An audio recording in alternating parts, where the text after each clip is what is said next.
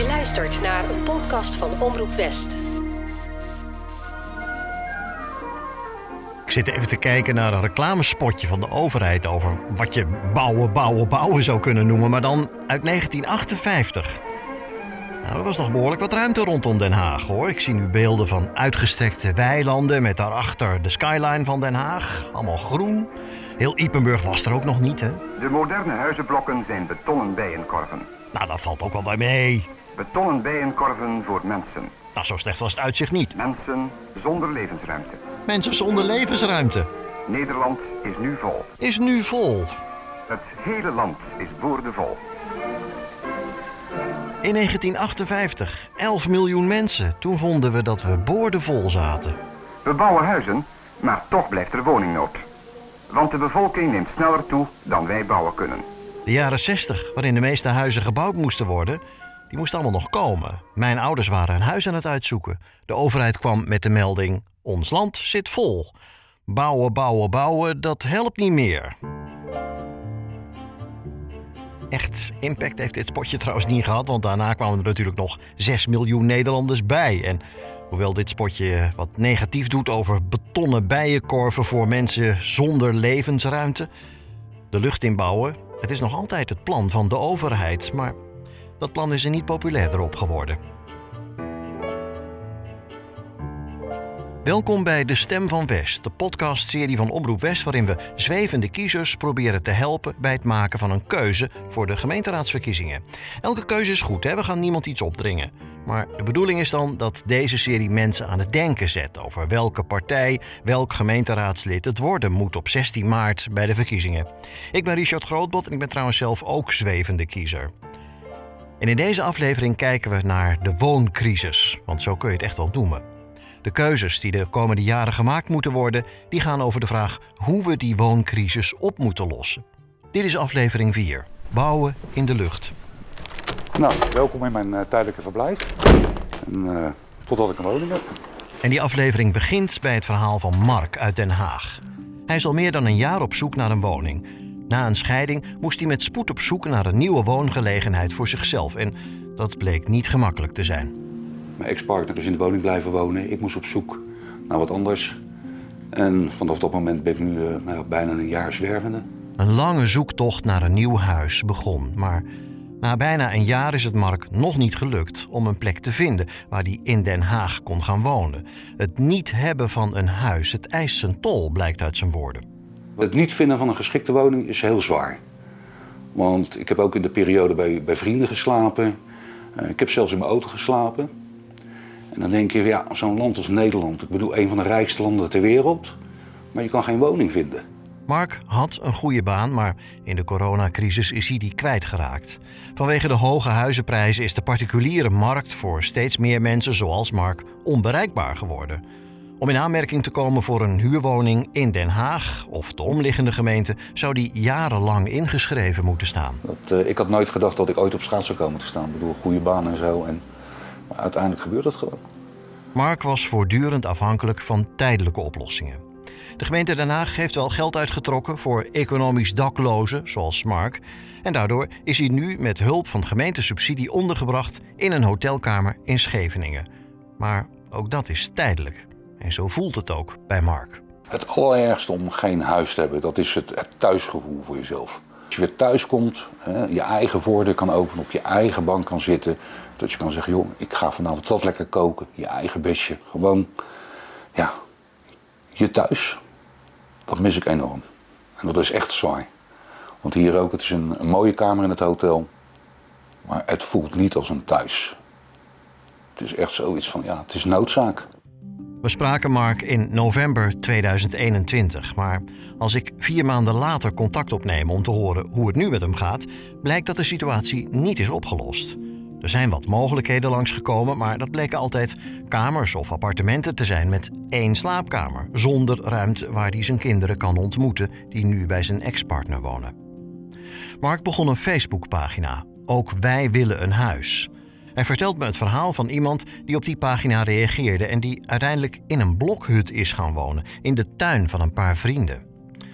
En zo hoort hij ook over andere mannen die ook naar een verbroken relatie op zoek gaan naar een huis en er niet in slagen. komen heel veel verhalen komen er voorbij. Eh, mannen die bijvoorbeeld al jarenlang bij een moeder eh, op zolder in een kamer zitten. Ja, woningnood is schijnend. Mark zit nog altijd in een hotel in Scheveningen. Het is een kamer van 15 vierkante meter. Er staan twee bedden. Er is een tv en een badkamer. Zijn laptop ligt op het bed. Ja, nee, dat klopt. Ik zit nog steeds hier. Uh, op dit moment heb ik wel een medische urgentie. En uh, ja, ik heb op wat uh, woningen gereageerd. En ik sta nummer 1 voor een woning in, in Loosduinen. En wat voor woning is dat? Ja, dat is dan een woning met één slaapkamer. Achteraf vind ik dat wel een beetje jammer. Want ik heb natuurlijk co-ouderschap en twee jonge kinderen. Ja, die wil ik dan weer graag straks bij me hebben. alleen daar, daar wordt niet naar gekeken. De gemeente zegt nee, het is een medische urgentie. En ja, dan uh, die co-ouderschap, daar hebben ze dan niks mee te maken. En dat vind ik achteraf wel een beetje jammer. Maar er is ook goed nieuws. Mark heeft kans op een woning. Een huis in Loosduinen dat groot genoeg is om ook zijn kinderen te kunnen ontvangen. Hij zal even wezen kijken. Het is een, een ruime woonkamer, een ruime slaapkamer. Dus ik zie wel perspectief ook voor de kinderen. En uh, dat kan in de vorm dan desnoods van een, uh, een slaapbank. Hè, dat ik zeg tegen de jongens van, joh, jullie op mijn bed en dan, uh, dan ga ik op dat slaapbankje. Dus ja, dat is straks even alles bekijken. Maar het is denk ik ook wel heel erg belangrijk dat ik gewoon weer een eigen plekje heb. Dat ik weer een eigen thuis heb. Omdat hij een medische urgentie heeft gekregen, staat hij bovenaan de lijst voor een woning. Achter hem staat een lange lijst van mensen die ook een woonruimte zoeken. Uh, de laatste keer dat ik gekeken was, eens even kijken, twee dagen terug. Ja, toen waren er iets van 200 en zoveel. Dus het zijn toch wel aardig wat mensen die reageren op zo'n woning. Dat zijn dus 200 mensen die, die ook nog, ja, net als jij, op zoek zijn naar woonruimte. Ja, en dan heb ik het nu over een eenkamerwoning. Maar ik heb natuurlijk ook gereageerd op woningen met uh, twee slaapkamers. Maar dan sta je af en toe op plek 600 of 700. Dus uh, dan moet je inderdaad nog die 7 tot 10 jaar wachten eer je in aanmerking komt voor een woning. Dat is het probleem. Mensen zoals Mark die geen huis kunnen vinden. Bijna alle politieke partijen zoeken de oplossing in snel veel huizen bouwen. Het verschil van mening in de politiek lijkt alleen nog te gaan op welke manier dat dan moet gebeuren. VVD-Kamerlid Daniel Koerhuis in een verkiezingspotje uit 2021. Hij zei het zo. Door harde afspraken met gemeenten te maken over hoeveel huizen er gebouwd gaan worden.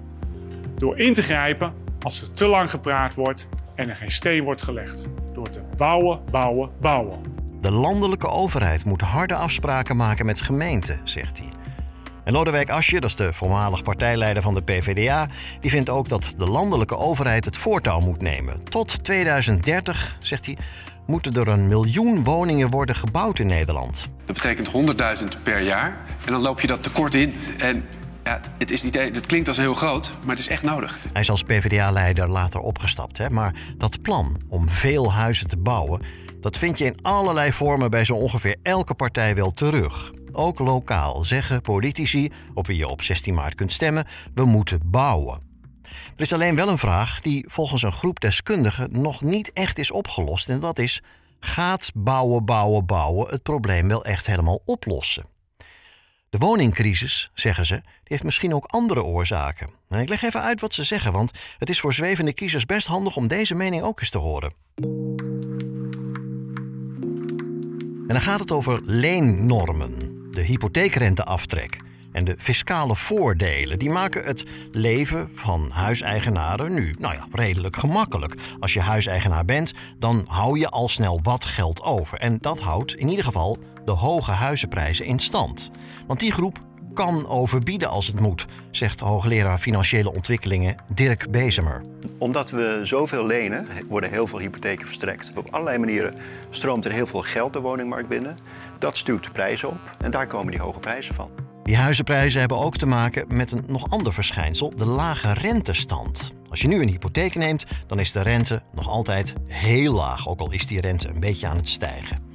Niemand kan de toekomst van de hypotheekrente voorspellen, maar als je achterom kijkt, dan zie je dat die rente over het verloop van decennia stijgt en daalt en weer stijgt. Die rente kan altijd weer toenemen. En dan wordt de maximale hypotheek die je kunt krijgen voor jouw inkomen wel lager, want je moet verhoudingsgewijs meer aan rente betalen. De prijzen van huizen zullen dan misschien gaan dalen, maar daarmee wordt het ook steeds minder aantrekkelijk om je bestaande huis te verkopen. We willen graag dat mensen dat juist doen, want dat zorgt voor meer doorstroming. Nieuwbouwhuizen worden voor een bepaalde prijs gebouwd. Die prijzen kunnen meestal niet tussentijds ineens omlaag. In de coronacrisis werden bouwmaterialen bijvoorbeeld een stuk duurder, dus dat helpt allemaal niet mee. We zijn dan in hoog tempo huizen aan het bouwen die, als ze klaar zijn, voor veel kopers misschien wel te duur zijn geworden. Er blijft natuurlijk een groep kopers die zich best hoge huizenprijzen kan veroorloven en dat dan ook doet. Die groep houdt de prijzen hoog. Hoogleraar Bezemer ziet dat er een tweedeling komt. Mensen die wel en niet een huis kunnen betalen. Wat ook heel erg aan het misgaan is, is dat er polarisatie is tussen huizenbezitters die zomaar tonnen extra geld hebben. Dat is nergens voor nodig. En mensen die een huis moeten kopen, die zich voor tonnen extra in de schuld moeten steken. Die laatste groep gaat niet snel hun huis uit voor minder dan wat ze ervoor betaald hebben, want dan blijven ze met een schuld achter. De huizenprijzen dalen wel, maar er komt niet ineens een golf aan huizen vrij die je voor die lage prijs kunt kopen. Het tekort aan betaalbare huizen wordt volgens deze redenatie dus niet opgelost met alleen maar bouwen, want voor veel mensen wordt een huis kopen domweg te duur. Huizen die de afgelopen jaren tegen een hoge prijs zijn gekocht, die worden niet snel aangeboden tegen een lage prijs. En nieuwbouwhuizen worden niet tussentijds ineens goedkoper. De organisatie van bouwbedrijven in Nederland stelde een tijdje geleden dat alleen het bouwen van huizen het probleem van de woningcrisis niet kan oplossen. En zij stellen als aanvullende maatregel voor dat er extra lasten moeten komen, zoals een belasting op de overwaarde die je ontvangt als je je huis verkoopt en het langzaam afschaffen van de hypotheekrenteaftrek. En dat komt dus van de organisatie van mensen die geld verdienen met het bouwen van huizen. Je zou misschien verwachten dat Mark de oplossing van de wooncrisis zoekt in het snel bouwen van veel woningen, maar ook hij ziet andere oplossingen. Er wordt gesproken over de ouderen uh, die dus in grotere woningen nog zitten. De kinderen zijn inmiddels de deur uit. Uh, die blijven er zitten. En dan heb ik een voorbeeld van iemand die wil graag uit de woning. Hè? Een ouder iemand eh, met een grote woning. Maar die zegt van ik wil op Scheveningen blijven. Maar ga ik daar wonen, dan moet ik 800 euro gaan betalen. En ik zit nu, want ik zit hier al 50 jaar, voor 400 en zoveel euro. Dan denk ik van, nou, hey, geef diegene nou de kans om daar te gaan wonen voor dezelfde prijs. En misschien zelfs nog met een soort korting, een soort motivatie. Die laat dan weer een groot huis achter. En daar kan je dus wel de prijs voor berekenen. Dus ik denk wel tot er mogelijkheden zijn. Mark hoopt dat de gemeentelijke overheden buiten de steden kunnen gaan bouwen en andere woonvormen willen stimuleren. Maar, zegt hij, een snelle oplossing die is er niet. Is het op te lossen? Ja, ik denk niet op korte termijn. Ik denk dat het wel een aantal jaartjes gaat duren. Eer het uh, probleem echt is opgelost. Een van de oplossingen voor het huizenprobleem die je in alle plannen leest, dat is de afschaffing van de verhuurdersheffing. Daar kijken we ook even naar. Het is weliswaar een landelijk plan, gemeenten gaan er niet rechtstreeks over, maar voor deze regio is dit wel heel erg van belang. Zo snel mogelijk afschaffen. Er gaat ontzettend veel geld van de Haagse corporaties naar die heffing. De Haagse PvdA-wethouder Balster. Die verhuurdersheffing is een soort belasting. Die wordt opgebracht door de grotere woningverhuurders en die het kabinet jaarlijks zo'n 2 miljard euro opleverde.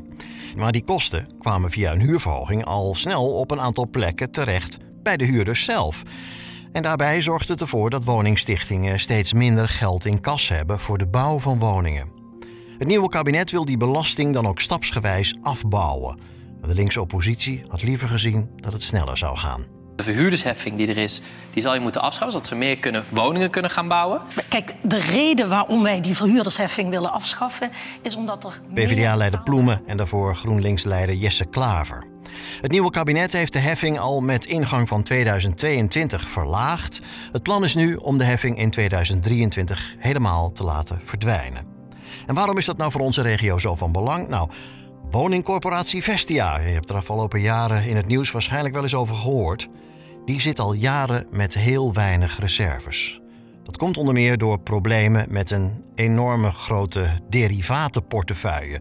Het leidde in 2012 tot een groot schandaal. Vestia dacht, net als bijna de hele bankaire sector trouwens, dat de rente omhoog zou gaan. En die derivaten, het is een beetje lastig om uit te leggen, maar waren bedoeld als een manier om te voorkomen dat je ineens veel meer rente moet betalen. Alleen, jammer genoeg, ging die rente juist omlaag.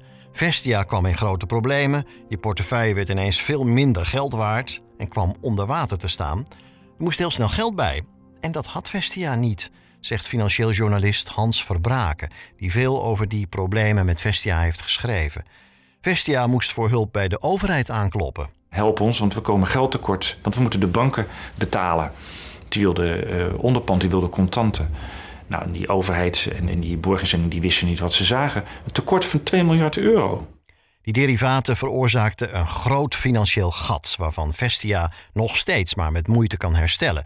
De corporatie bleef achter met leningen met hoge rentes. Andere woningcorporaties zijn Vestia daarin nu te hulp geschoten. En die woningcorporatie wordt opgesplitst in drie onderdelen: Rotterdam, Den Haag en Delft-Soetermeer. Onder meer de problemen bij Vestia hebben ertoe geleid dat er in de Haagse regio ten opzichte van alle andere regio's in Nederland het minste geld is voor investeringen in de nieuwbouw van huizen. En dan zorgt die verhuurdersheffing er ook nog voor dat die zak geld nog kleiner wordt. In deze regio is er extra weinig geld voor nieuwbouwplannen. Er zijn verschillende manieren waarop je daaraan iets kunt doen. Voor zover mogelijk meer leunen op hulp van de gemeente, die bijvoorbeeld garant zou kunnen gaan staan, zodat er sneller een lening voor een woningbouwplan rondkomt. Andere richting is bouwplannen zo groot maken dat je bij het Rijk kunt aankloppen voor financiële steun. Dat gebeurt onder meer bij het maken van plannen voor Den Haag Zuidwest. En nog weer een heel andere oplossing is dat woningbouwcorporaties meer woningen verkopen. De opbrengst daarvan is nu heel hoog. Met dat geld lossen ze hun eigen problemen op en daarmee voorkom je ook dat de overheid als een oplossing wordt gezien voor problemen van wat in feite een onderneming is. Je voorkomt dat de belastingbetaler ervoor zou opdraaien. Bijkomend effect is dan wel dat woningen die verkocht worden niet meer voor de sociale sector beschikbaar hoeven te zijn. Diverse gemeenten proberen dat laatste te voorkomen om tegen te gaan dat speculanten, huisjesmelkers, hè, zo veel geld kunnen verdienen. Het is een van de politieke keuzes die voortkomen uit deze aflevering. Wil je meer overlaten aan de markt of wil je wat meer overheidsbemoeienis bij het oplossen van die woningproblemen? Ik hoop dat die keuze kan helpen in de zoektocht naar welk hokje nou precies rood gemaakt moet worden.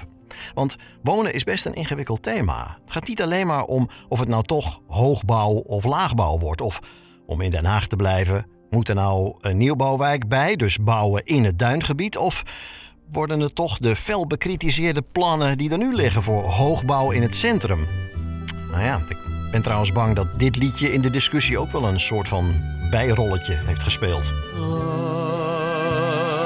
Langs het tuinpad van mijn vader. Het dorp, een klassieker van Wim Zonneveld. Hij bezingt een soort dorpsidylle waarin alles mooi en groen is. Mensen groeten elkaar op straat. Maar ja, kunnen niet allemaal met een juffrouw op de fiets naast het tuinpad van mijn vader in een dorp gaan wonen. Oh, en dan zingt hij ook nog dit. Want ziet hoe rijk het leven is. Ze zien de televisiequiz en wonen in betonnen dozen. Ja joh, betonnen dozen. Met flink veel glas dan kun je zien hoe of het bankstel staat bij Mien. En er dressoir met plastic rozen. Je zult wethouder zijn in Den Haag met een plan voor hoogbouw en dan de hele dag dit liedje op Radio West horen. En je hoort misschien, ik noem bewust geen partijen hier. Ik vind het ook niet mijn taak om mensen de ene of de andere kant op te duwen. Maar als je meer wilt weten over dit soort kwesties, kijk dan ook eens op onze website omroepwest.nl en dan klik je op verkiezingen. Of luister naar de volgende aflevering van deze podcastserie. Ik ben Richard Grootbot. Dit is een podcast van Omroep West.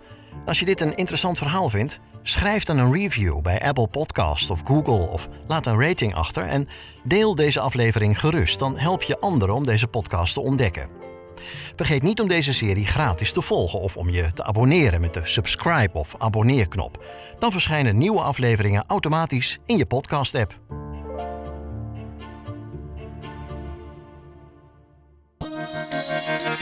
Dit was een podcast van Omroep West.